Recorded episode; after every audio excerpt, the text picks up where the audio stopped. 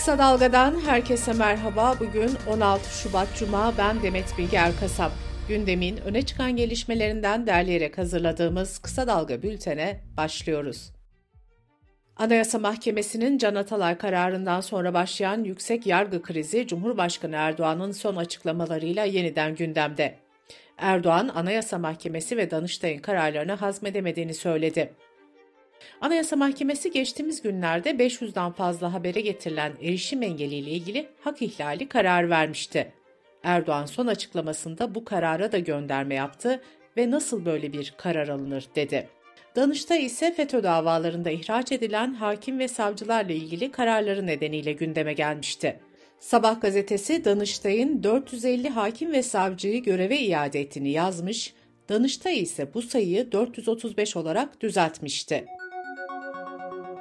Cumhurbaşkanı Erdoğan bu açıklamaları Birleşik Arap Emirlikleri ve Mısır ziyareti dönüşünde uçakta yaptı. Erdoğan bir zamanlar darbeci olarak andığı Mısır Cumhurbaşkanı Sisi ile görüşmesinin samimi, verimli ve başarılı geçtiğini söyledi. Erdoğan, Sisi'nin de Nisan ya da Mayıs'ta Türkiye'ye geleceğini belirtti. Erzincan'ın İliç ilçesindeki Çöpler Altın Madeni faciasındaki son gelişmeleri aktaralım. Anagold Madenciliğe ait maden sahasında göçük altında kalan 9 işçiden bültenimiz yayına hazırlandığı sıralarda hala haber gelmemişti. Ailelerin maden sahasındaki endişeli bekleyişi devam ediyor. İçişleri Bakanı Ali Yerlikaya, kayan kütlenin toplam hacminin 10 milyon metreküp olduğunu söylemişti. Enerji ve Tabi Kaynaklar Bakanı Alparslan Bayraktar ise heyelan alanında 400 bin kamyonluk toprak kütlesi olduğunu belirtti. Bağımsız Maden İş Sendikası avukatı Mert Bakır, kayan toprağın siyanürlü olduğunu belirterek işçilerin daha önce felaketin işaretlerini aldığını, buna rağmen altın üretiminin devam ettiğini söyledi. Faciayı araştırmak üzere mecliste komisyon kuruldu. Komisyonun çalışma süresi 3 ay olacak. Maalesef sırada bir facia haberi daha var. Batuhan A isimli 69 metre boyunda ve içinde altı mürettebat bulunan bir kargo gemisi Marmara Denizi'nde battı. Bursa valisi Mahmut Demirtaş geminin Karacabey ilçesinin kuzeyinde kıyıya yaklaşık 4 mil uzaklıkta battığını söyledi.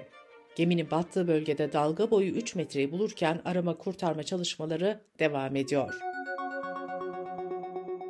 Yerel seçimlere 44 gün kalırken İyi Parti'den yine istifa haberi geldi. Aralarında Kurucular Kurulu ve Genel İdare Kurulu eski üyesi Binur Karadağlı'nın da bulunduğu 16 kişi istifa etti.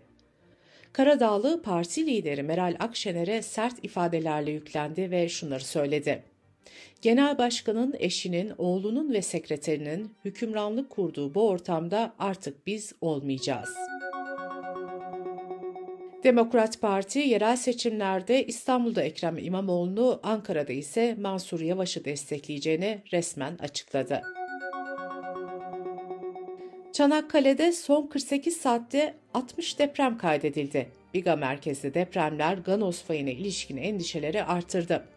Profesör Doktor Süleyman Pampal, bu depremler bize büyük deprem yakındır diyor diyerek önlem alınması gerektiğini söyledi.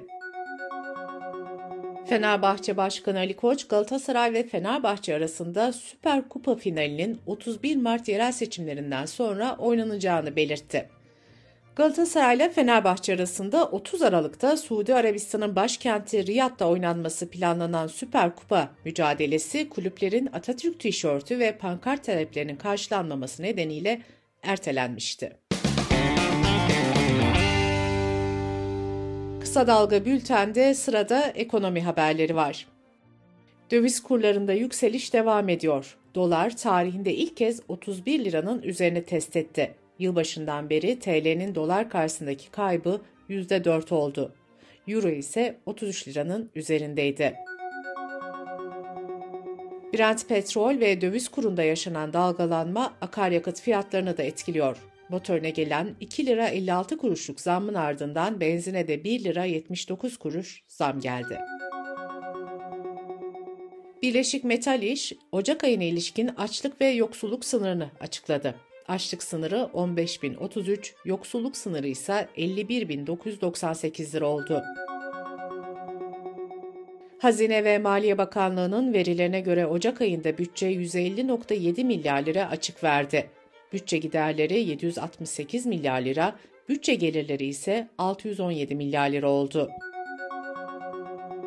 Japonya geçen yılın son çeyreğinde zayıf iç talep nedeniyle beklenmedik bir şekilde resesyona girmişti. Japonya dünyanın üçüncü büyük ekonomisi olma konumunu Almanya'ya kaptırdı.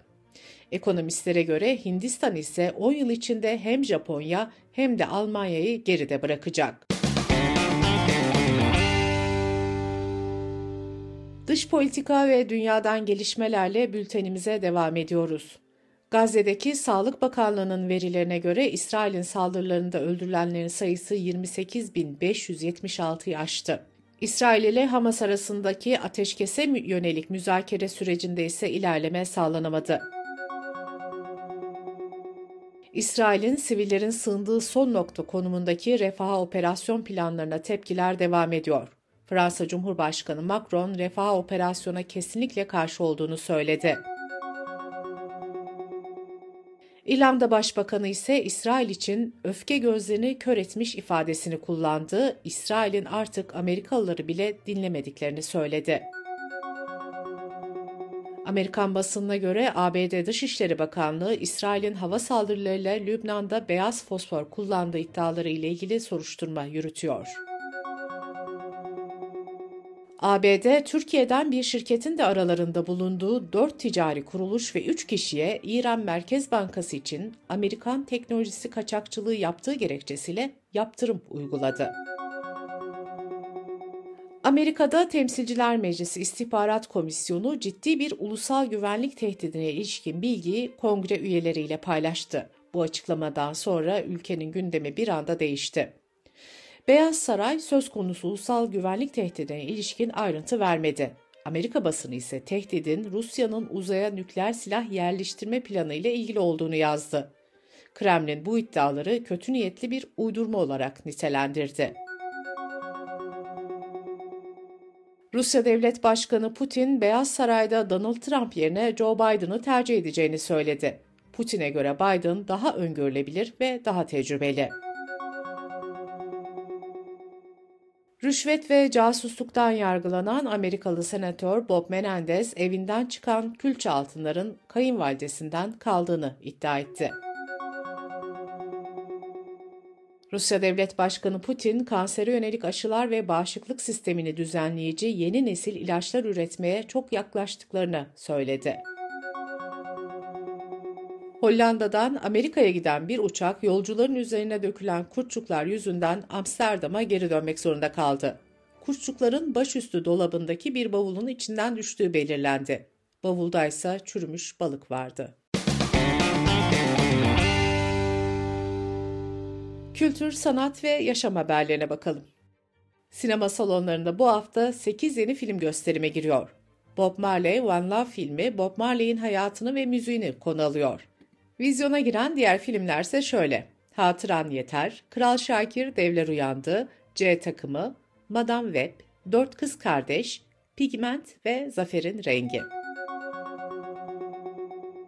İstanbul Kültür Sanat Vakfı tarafından düzenlenen 52. İstanbul Müzik Festivali 21 Mayıs 12 Haziran tarihleri arasında yapılacak. Kökler temasıyla düzenlenecek festival mübadelenin 100. yılına odaklanarak kültürel ve tarihi öyküleri aktarmayı hedefliyor. Michael Jackson'ın hayatını konu alan Michael filmi için çalışmalar başladı. 18 Nisan 2025'te vizyona girecek olan filmde Michael Jackson'ı yeğeni Jafar Jackson canlandıracak. YouTube 19. yılını kutluyor. Platform bu yıl itibariyle 2.7 milyar kullanıcıya ulaştı. Hindistan 467 milyon kullanıcıyla zirvede yer alıyor. Türkiye'deki kullanıcı sayısı ise 57 milyondan fazla. YouTube'un reklam gelirinin de yıllık 30 milyar doları aştığı belirtiliyor. Uluslararası bir araştırmaya göre Amazon yağmur ormanlarının neredeyse yarısı kuraklık, ormansızlaştırma ve yangınlar nedeniyle 2050'ye kadar yok olabilir. Amazon ormanları dünyadaki oksijenin büyük bir kısmını ürettiği için dünyanın akciğeri olarak tanımlanıyor. Bültenimizi kısa dalgadan bir öneriyle bitiriyoruz. Çok merak ediyorum podcast serisinin 10. bölümünde hayatımızın ayrılmaz parçası yerli dizilerin serüveni var. Çok merak ediyorumu kısa dalga.net adresimizden ve podcast platformlarından dinleyebilirsiniz.